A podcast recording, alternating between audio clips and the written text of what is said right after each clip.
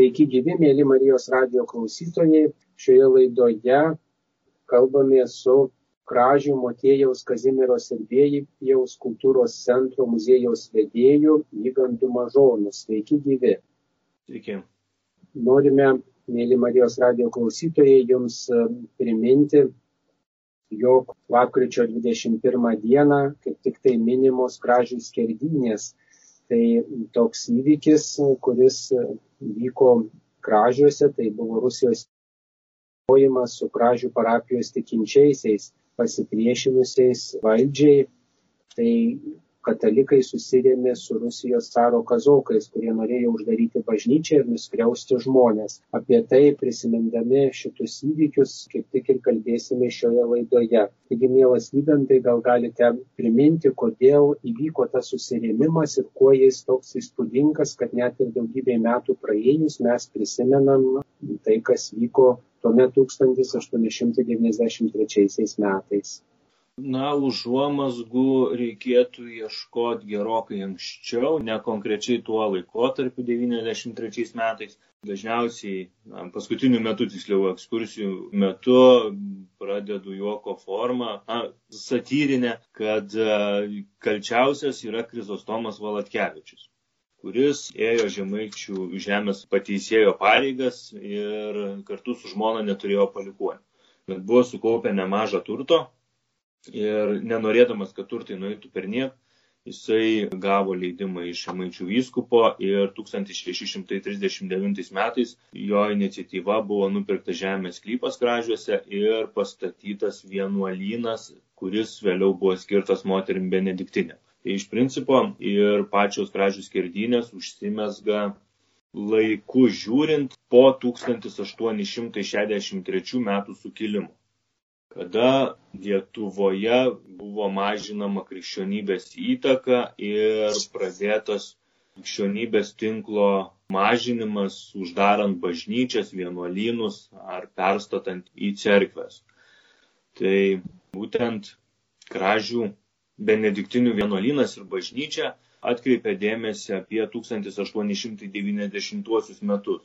Ir jeigu nesuklysiu, tai buvo 44 bažnyčią, su kuria carinė valdžia mėgino susidoroti.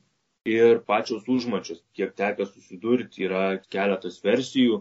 Viena jų, kad, na ir valdininkai norėjo pasipiningauti, tokia ne, ne kaip ir oficiali, ne, ne visai oficiali, nes vienuolynas turėjo nemažą indėlių Rusijos bankė ir valdininkai tą indėlį norėjo nusavinti aišku, realesnė ir, ir tinkamesnė versija, kad e, dėl krikščionybės tinklo mažinimo, na ir iš principo valdininkai, norėdami bažnyčią uždaryti, siūlė vietos parapiečiams, kad jie pačią bažnyčią iš pradžių remontuotų. Ir tik po remonto būtų sutvarkę teisinius dokumentus ir mūro bažnyčia būtų atitekusi parapijos reikmėm, na, vienuolynas likviduojamas, bet vietos žmonės šiam pasiūlymui nepritarė, norėjo visų pirma susitvarkyti teisinius dokumentus ir tik vėliau pradėti bažnyčios remontą. Nes jeigu būtų bažnyčia, spėjama, aišku, jeigu būtų bažnyčia suremontuota anksčiau iki sutvarkant dokumentus, jinai būtų greičiausiai pertvarkyta gale į cerkvę. Ir na, visos investicijos vietos žmonių būtų nuėjusios per nieko. Na ir įvyko toksai, sakykime, dėrėjimasis ir tų pačių vienuolių iškeldinimas iš vienuolyno per du etapus, kol galų gale lieka tuščia bažnyčia, na, tiksliau, tuščias vienuolynas, o bažnyčia saliginai tuščia, nes per visus keldinimo vienuolių darbus tiesiog valdininkai pražiūrėjo švenčiausiai. Na ir žmonės žinodami, kad švenčiausiasis yra bažnyčioje, rinkosi, organizavosi bažnyčios saugojimą, kuris prasidėjo maždaug apie 93 metų gegužės vidurį. Ir entuzijazmas iš pradžių buvęs beribis, rinkosi po porą trejata šimtų žmonių. Artėjant rudens darbam gretos rėtėjo, kol rugsėjo pirmai dienai berods buvo likę gal tik 20 moterų bažnyčiai. Ir ta intencija kunigai buvo priversti laikyti paskutinėsias šventasias mišes, rugsėjo pirmą dieną konkrečiai. ir mišių metu tikėtas išdalyti švenčiausiai ir taip sudaryti sąlygas bažnyčios uždarimui. Bet moteris, na ir pamokytos kestaičių bažnyčios atveju, irgi ganėtinai kraupus susidorojimas su tikinčiaisiais Žemaitijoje vykęs įvairiausių atgarsių pasakojimų buvo pamokytos, kaip tinkamiau reikėtų elgtis ir su kunigais, kad ten, sakykime, susikipti bažnyčios viduje rankomis, dar susirišo rankšluošiais papildomai, kad ta gyva tvora būtų tvirtesnė ir um, net tiesiog kunigų neprileido prie centrinio altoriaus. Tai kunigams neliko kitos išeities, kaip pasirengti vieną iš šoninių altorių, prie jo laikyti šventasias mišes ir po mišių inventorizuoti bažnyčioje esantį turtą. Ir po visos tos inventorizacijos švenčiausiasis vis, vis dar buvo iš, išsaugotas na, ir perėjo prie volė. Na, tiesiog valdžia nebesugalvojo, kaip reikėtų geriau išnešti tą švenčiausiai. Tai tiesiog buvo paliepta šiluvos kunigams atvykti į gražius ir kad jie išneštų švenčiausiai. Šiluvos kunigai bijodami žmonių nemalonės motivuodami, kad ne jų parapija, jie atsisakė šią prievolę vykdyti. Tuomet ji buvo perkelta Kelmės parapijos kunigams.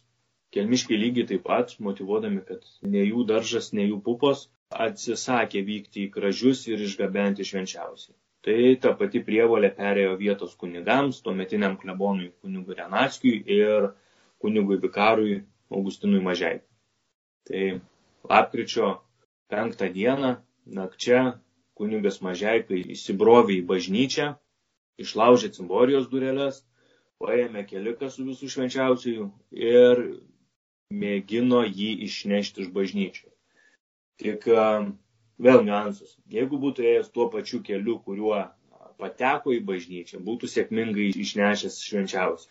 Bet nusprendė, kad vis tik reikia pagarbiau pro centrinės duris išeiti ir kunigo nelaimiai jisai keliaudamas durų link užmynė ant bažnyčios saugotojo kūno ir kunigas prisižadino visą būrį žmonių. Pastarieji ragino jį gražinti švenčiausiai atgal į vietą, jisai tą padaryti atsisakė, padėjo keliką ant grindų, vedė dėrybas ir na, žmonėm neišlaikė kantrybė, nervai matyti pagal amžių vyriausias vyras su pirštinėm paėmė keliką, gražino atgal į vietą, na, o kunigui buvo vykdoma tokia egzekucija. Žnaibomas, trankomas, visai kitaip engiamas ir po tos nakties kunigas dar geras dvi savaitės buvo mėlynas nuo sumušimų ir po gerų dviejų savaičių tik tai pradėjo natūralėti kūno spalva. Čia iš gražių skirtinių atsiminimų kalbant. Ir po visos egzekucijos, dar po gero pusmečio kunigas buvo tiek įsisielojęs, kad laisvai galėjo visas moteris vardais pavardėm įvardinti, kurios dalyvavusios egzekucijoje, dar ir keletą vyrų atpažinęs, kurie su juo taip susidorojo. Na, bet patiems žmonėms pavyko dar švenčiausiai išsaugoti iki jūsų jau minėtos lapkričio 21 dienos. Bet čia yra viena problemėlė dėl kalendorių skirtumo. Tai tas laikotarpis guruoja nuo lapkričio 21 iki lapkričio 23 dienos. Na, tam tikras toksai nesutarimas yra. Tai, žodžiu, minėtoje dieną į kražius pradeda rinktis Kauno gubernijos valdininkai su urėdnikais. Viso susirenka apie 70 asmenų, atvyksta į miestelį nedidelėmis grupelėmis, visi susirenka pas viršaitį, paskutinieji atvyksta tik 8 val. vakaro ir prie bažnyčios patraukia tik 2 val. nakties. Na, čia jau būtų persikeliamas į kitą dieną. Ir prie bažnyčios visas būrys buvo sutiktas ganėtinai ištaigingai ir su carų portretais, ir su duona, druska bei kryžiumi. Tai iš karto nepatiko gubernatoriui Klingenbergui ir jisai įsakė carų portretus atimti ir sukapot, žmogų laikiusi kryžių areštuot.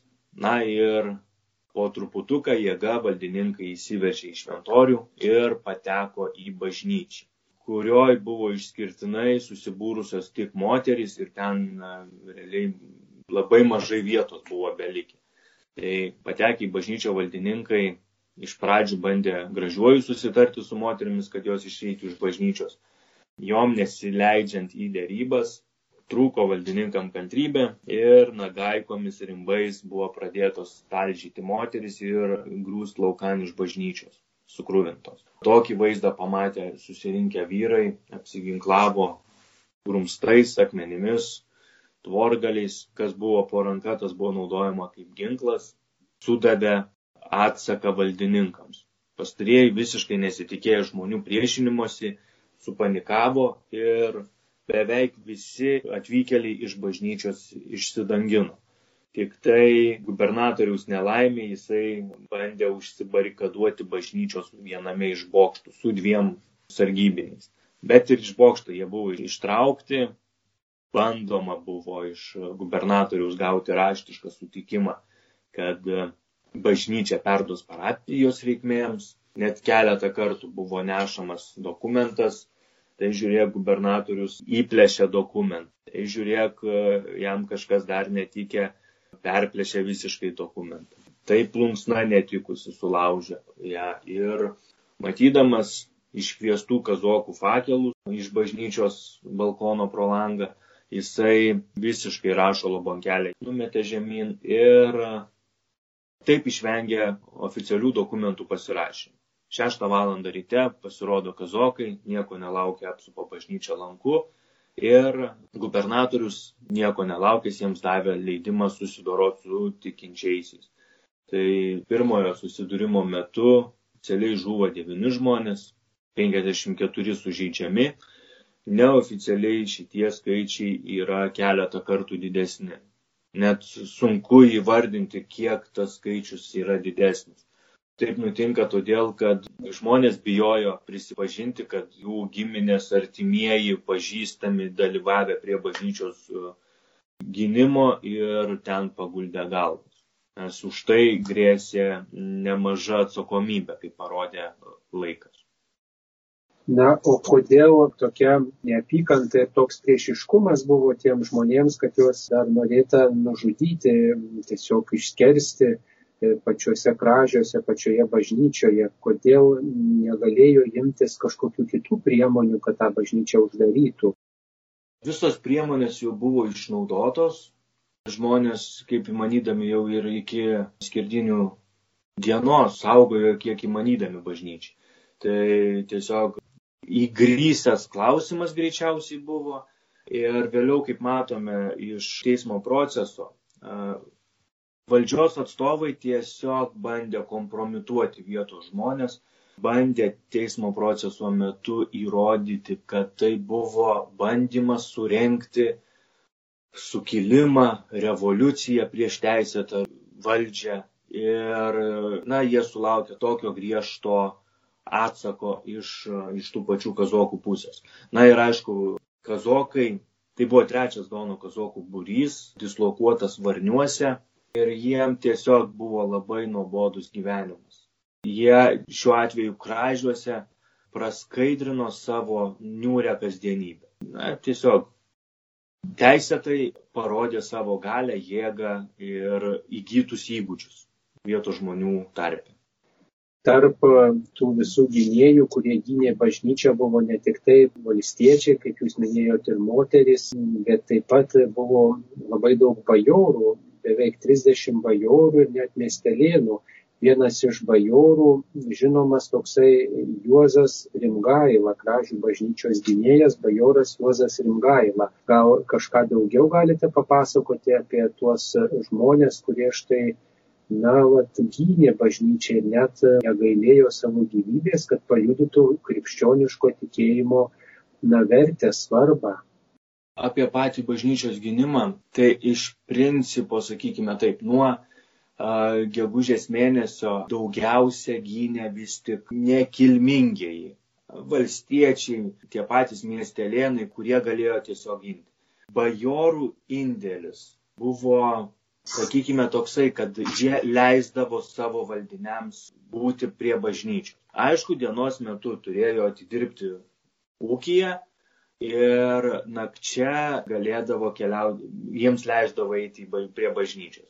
Aišku, kai kurie bajorai e, rėmė saugotojus, jiems tiekdavo maistą, bet tas, na, kurie tik tai parodydavo tokią moralinę paramą. Kai kurie, kiek įmanyd, na, tiesiog nenorėdami galbūt ir, ir susipykti su valdžios atstovais, jie stengiasi tiesiog taip tyliai, ramiai, per daug neišsišokant e, prisidėti prie bažnyčios gynėjų. Ir kuomet prasideda teismo procesas, bajorams teko atsisakyti bajorystės. Jiems buvo panaikintas bajoro titulas. Tai už tai buvo galbūt ir, ir vengiama taip aiškiai išstoti bažnyčios gynimo klausimų bajorų tarp. Su, su tais visais, sakykime, pavardėm kalba. Tai buvęs bajoras ir bajorai Dobkevičiai, kurie visapusiškai stengiasi pagelbėti bažnyčios gynėjams. Buvęs jūsų ir minėtasis Rimgaila. Dar muziejui turime berocio fotografiją, kaip, kaip atrodęs aišku, vėlesnių laikų negu, negu bažnyčios gynimas. Ir um, buvę ir daugiau vietos apylinkių bajorų. Tiesa, tai yra ne visiškai lokalus įvykis. Ne tik kražių parapijos žmonėms rūpėjo bažnyčios likimas. Į bažnyčios gynimą buvo atvykę ir iš Tytuvenų, iš Šiaulių, iš raseinių bei kitų apylinkių parapijų žmonės. Tai rodo, kad vis tik ne vien tik tai kražiškiams rūpėjo bažnyčios likimas, rūpėjo ir šio, kaip ir žemaitijos krašto žmonėms bažnyčios auganimas. Vis tik e, tų pavyzdžių su bažnyčių uždarimu buvo ne vienas, ne du. Taip savotiškai sakyčiau, kad žmonės bandė prisidėti prie kovos už Lietuvos laisvę, nes vis tik e, dar kai kurių žmonių atmintyje buvo gajus pasakojimai apie 1863 metų sukilimą. Tai tas įtakojo ir, ir prisidėjimą prie bažnyčios kražiuose gynimo.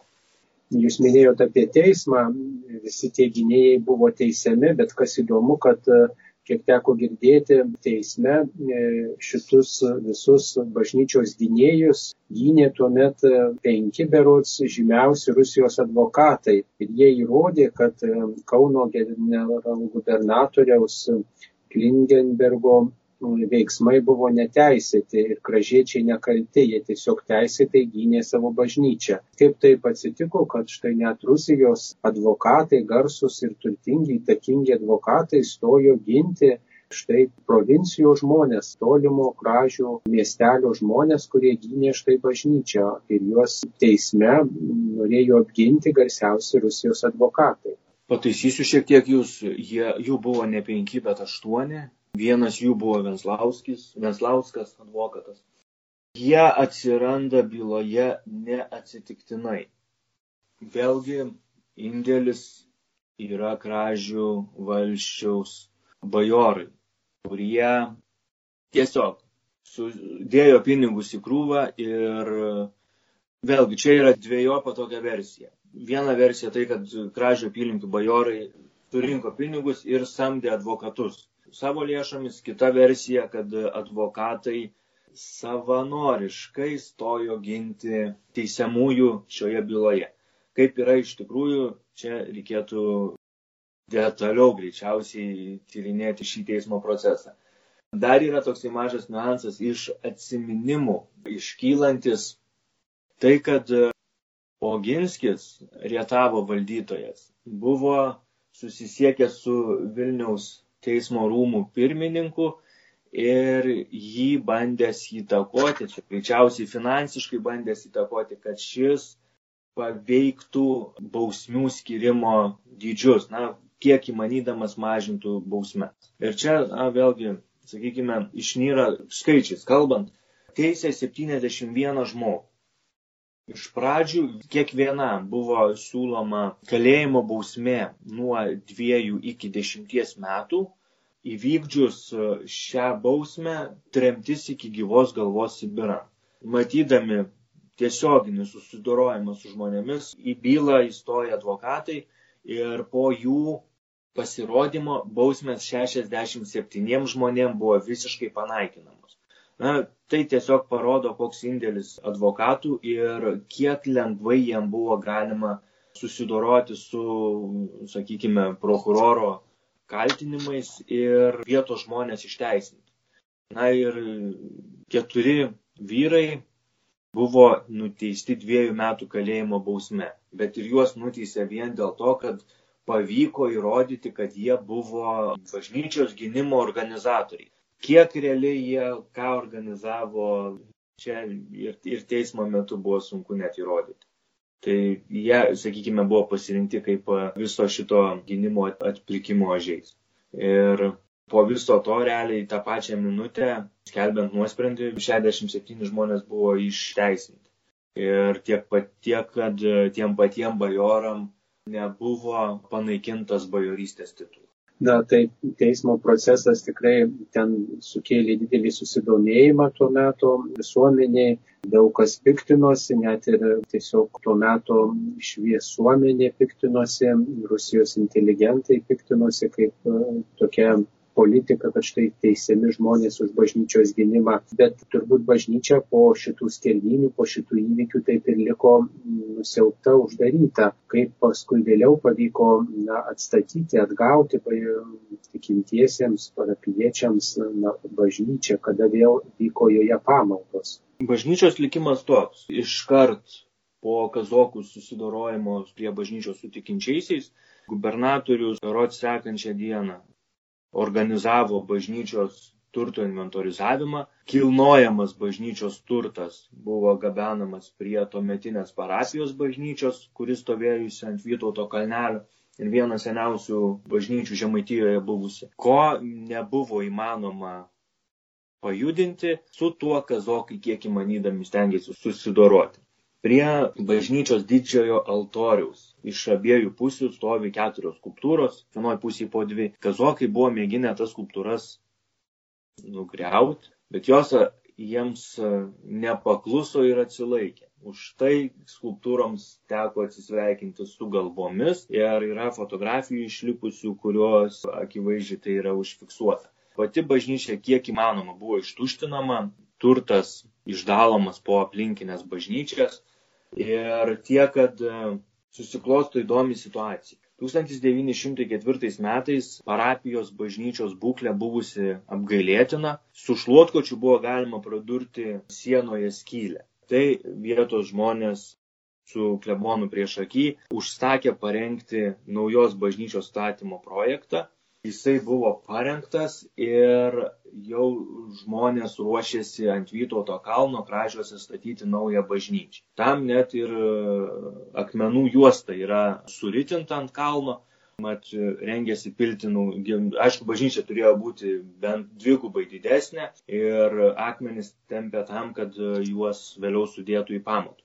Ir vykus tiem visiems parengiamiesiam darbam, 1908 metais buvo atiduota parapijos žinion benediktinių vienuolino bažnyčia, kuri buvo uždaryta po skerdynį. Žmonės visus finansinius resursus ir žmogiškosius išteklius nukreipia vienuolino bažnyčios atstatymui ir tas atstatymas trukęs realiai du metus ir 1910 metais konsekruojant atgautąją benediktinių vienuolino bažnyčią, jinai tampa parapijos bažnyčia. Ir ant Vytauto kalno naujos bažnyčios e, statymo projektas buvo atidėtas ateities laikams ir ta bažnyčia buvo, na, ne, nebebuvo pastatyta. Ir realiai šie metai simboliški 110 metų, kada parapijos pamaldos vyksta benediktinių bažnyčiai. Na, kaip galėtume įvertinti štai tas kražių skerdynės vykusias 1893 metais lapkričio mėnesį, kokį atgarsį jos paliko kražiuose, paliko visoje Lietuvoje, visoje Rusijoje, ar tai sustiprino tą pasipriešinimo tokį patyrimą, kaip tai prisidėjo prie tokio samoningumo žadinimo, prie tokio suvokimo, kas mes esam, kokios mūsų nuostatos ir vertybės pirmieji įamžinimai apie kražių skerdynę, tai sakykime taip. Berots, bijau sumeluoti, bet bandysiu tiksliau su, su datum sukalbėti. 1895 metais buvo parašyta ir išleista knygelė Krožė, kurioje buvo aprašyta teismo proceso eiga. Tiek, kad ta knygelė buvo leista Krokuvoje. Po metų laiko dailininkas Julius Škosak Lenkas sukūrė ir platino kražių skerdynėms skirtą medalį. Tiesa, platinimo pasakojimas šiek tiek įdomus ir jisai prasilenkiantis su realybė. Mat, e, dailininkas skleidė žinę, kad bažnyčios gynimą organizavo Lenkai. Nors tuo metu kražiuose, na, tokių tikrų Lenkų ir nei vieno nebuvę. Ir po to apie kražių skerdynės yra primirštama, šiek tiek buvo rašoma Amerikoje apie kražių įvykius ir realiai pirmasis ženklesnis išstojimas, atsimenant kražių skerdynės, tai buvo tik 1933 metais kada vyko 40-ųjų metinių paminėjimo iškilmės, į tas iškilmes kiek tekė susidurti su skaičiais. Tai gražiuose gyveno apie tūkstantį žmonių, į jubiliejinį renginį mišes atvyko apie 15 tūkstančių gyventojų. Tai buvo, nu, sakykime, žinant ir to laiko mobilumą žmonių, tai toks rezonansinis susirinkimas į vieną vietą. Ir ta pačia proga priešais bažnyčią buvo pastatyta Kristaus skulptūra, kuri tebestovi po šiai dienai ir jinai atmena 40-metį pradžių skirtynių. Ir po trijų metų į kražius buvo paskirtas tik mokslus baigęs telšių kunigų seminarijoje kunigas vikaras Stanislavas Rimkus. Jisai kartu su broliu ėmėsi labai sudėtingo darbo - kurti kražių skirdinių muziejų Ir tas muziejus turėjo pagelbėti tiek pačiam kunigui, tiek jo broliui susikalbėti su vietos žmonėmis, kurie vienai par kitaip ar dalyvavę patys, ar nešantis atsiminimus iš artimųjų, kurie dalyvavę prie bažnyčios ir net palaikyti tiesioginį ryšį ir tuo pačiu juos kviesti į bažnyčią. Tiek, kad e, visas tas darbas, atsiminimų rinkimas vykęs e, tik tai 1938-40 metais, tam ir atsiminimus, aišku, pagrindinai rinko tik tai e, kunigo brolis Antanas Rimkus. Ir didžiausia tragedija yra 40-ieji metai, kada visų veiklų kražiuose iniciatorius kunigas Stanislavas Rimkus buvo areštuotas e, rūpiučio 6 dieną. Kita tokia tragiška data yra 41 metai, birželio 25 diena, kada visas kražių miestelis, na ne visas, apie 90 procentų miestelio kartu su muziejumi buvo sunaikinta antrojo pasaulinio karo mūšio. Ir šiai dienai, sakykime, vis tik yra iš vienos pusės ir nemažai rašyta apie kražių skerdynės, iš kitos pusės galėtų būti dar ir daugiau e, rašoma apie šį įvykį. Ir tiesa, apie Rimkų kalbant, kartu su broliu jie inicijavo vietos laikraštėlio kražių aidai leidybą. Išleido tik tris numerius, ketvirtas buvo parengtas, bet e, dėl pirmosios sovietinės okupacijos jisai ne, neišvydo dienos šviesos. Ir atgyjant e, Lietuvoje, kuriantis sąjūdžiui, Kražių parapijoje buvo atkurtas Kražių aidų laikraštėlis. Vienas iš iniciatorių buvo kunigas Stanislavas Anužis. Ir e, laikraštėlis leistas tarp, e, jeigu nesuklysiu dabar tiksliai, tarp 88-89 metų iki berots 93-4 ir tame laikraštėlyje buvo prisiminta šiek tiek plačiau ir kražių skerdinių įvykiai ir juos buvo bandoma sutapatinti su sausio 13-osios įvykiais. Ad, taip pat beginkliai, šiuo atveju, tarkim, lyginant kražių parapijos žmonės, beginkliai stojo ginti bažnyčios ir žiūrima perspektyviai į sausio 13-ąją, kada beginkliai Lietuvos gyventojai stojo ginti tiek e, Seimo rūmų, tiek radio televizijos bokšto. Ir tas pats okupantas prieš tą patį okupantą. Ir na, tai buvo tiesioginio tokios sąsajos su, tarkim, 1893 metai, 1991 metai ir, ir bandoma ieškoti paralelių. Tas pats engėjas ir ko ne tokia pat e, gynėjų situacija. Na, o kaip sovietmečiu štai būdavo prisimenama šitas kražių skerdinių faktas, juk iš esmės sovietų metu, sovietų valdžiai tas toks faktas turėjo būti nepatogus, turėjo badyti akis, kaip kražiuose tai būdavo prisimenama. Matot, pati sovietmečio pradžia miestelį buvusi sudėtinga, vis tik e, žmonėms pagrindinai rūpėjo atstatyti savo sudegusius namus, ar tiesiog kurtis miestelėje ir akražių skerdinių įvykis gal ir taip nuėjęs į istorijos paraštės. Bet apie tai buvo bandoma priminti kunigo Leono Veselio. Pastarasis 1964 metais bandė atkurti kražių skerdinių muziejų. Bet apie tai greit sužinojo saugumas, kuniga iškėlė į Kruopių parapiją, jam pavykusius surinkti eksponatus išvežė į Kelmę ir Kelmė sunaikino. Tai buvo bandoma vis tik slopinti prisiminimus apie kražių skerdinių įvykius. Na, o kaip dabar štai tie įvykiai prisimenami kražiuose, ar jaunimas domisi šitą istoriją, džiaugiasi, didžiuojasi, kad štai jų protėviai, pirmą mūsų gyvenę žmonės taip drąsiai ir narsiai apgynė krikščionišką tikėjimą. Dabar bijau suklysti, ar septintoj, ar devintoj klasiai per istorijos pamokas yra įtraukta į vadovėlį apie kražių skerdinių įvykius. Tai su kražių žygimanto Liauksmino mokyklos istorijos mokytoja ko ne kasmet, kada yra galimybė, jie ateina tiesiogiai į muziejų, praplės žinias apie šiuos įvykius, kada šiemet berots teko ir per Zoom platformą su jais kalbėti virtualiai, bet e, tas prisiminimas, tuo labiau, kad gyvenama aplinka tiesiogiai susijusi su tokiu istoriniu įvykiu. Tai bandoma neš šią žinę, kad neužmirštų, kad būtų galima didžiuotis savo krašto istoriją. Ir aišku, per platesnę prizmę, vien tai, kad valstybės mastu yra istorijos vadovėlėje rašoma, aišku, šiek tiek mažokai, sakyčiau, yra skiriama dėmesio, bet bent tiek, kad neleidžia užmiršti ir parodyti, kokia vis vien narsi, drasi lietuvių tauta ir ne vieną kartą kovojusi už savo laisvę, už savo tikėjimą. Tai ko galėtume pasimokyti iš šito įvykio vykusio XIX amžiaus pabaigoje, ką jis mums šiandien galėtų byloti, kam kviesti, kam drąsinti? Išskirčiau ko gero vienintelį aspektą, tai vienybė kai kuriais atvejais lietuvių tauta yra susiskaldžiusi ir susitelkti visiems reikėtų pasimokyti iš tokių istorinių įvykių, nes vis tik visi buvo vedini kilnaus tikslo ir čia gal dar pridėčiau tokį niuansą, kad na vis tik yra ir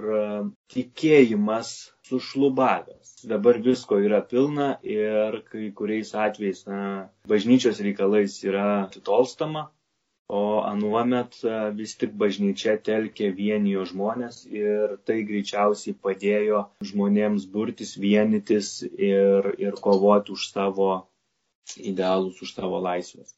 Kaip manot, ko reikėtų, kad žmonės dabar galėtų remtis bažnyčiai ir taip ginti tikėjimą, kaip tuomet gynė, kad tai, reiškia, daug reikštų žmonėms ar kažkokie sunkumai, ar, ar kažkokie praradimai, ar dar kažkas galėtų padėti žmonėms atsigręžti į Dievą? Šiaip ganėtinai sunkus klausimas. Įvykių visuma, manyčiau, turėtų susivesti vieną visumą, nes kada tenka su įvairiais žmonėmis bendrauti, tai yra visokiausių nusistatymų, vieniem dar yra gyvas ir, ir, ir sovietinių laikų atminimas, kur ir, kaip įvardė dažnai, tas ir prie ruso buvo geriau, bet na, abejoju, kad tikrai buvo jiems geriau prie ruso. Ir, sakykime taip, vis tik e, gyvenam laisvoje visuomeniai ir e, kiekvieno yra laisvas pasirinkimas bet na, reikėtų ir iš namų aplinkos skatinti pasididžiavimą, gerėjimąsi savo istoriją ir tuo pačiu neužmirštant bažnyčios indėlio. Vis tik, e, žiūrint plačiaja prasme, kad ir kaip keiktume bažnyčią, bet Jeigu ne vienuoliai jezuitai, klausimas, kiek mus dar būtų engę, nes vis tik jezuitai atnešė mokslo šviesą į, į Lietuvą, ir su švietimu vis tiek daugiau mažiau pasirodo valstybės progresas. Na ir, ir šitoj vietoj reikėtų šviesti, labinti ir atvirai bendrauti su visais žmonėmis.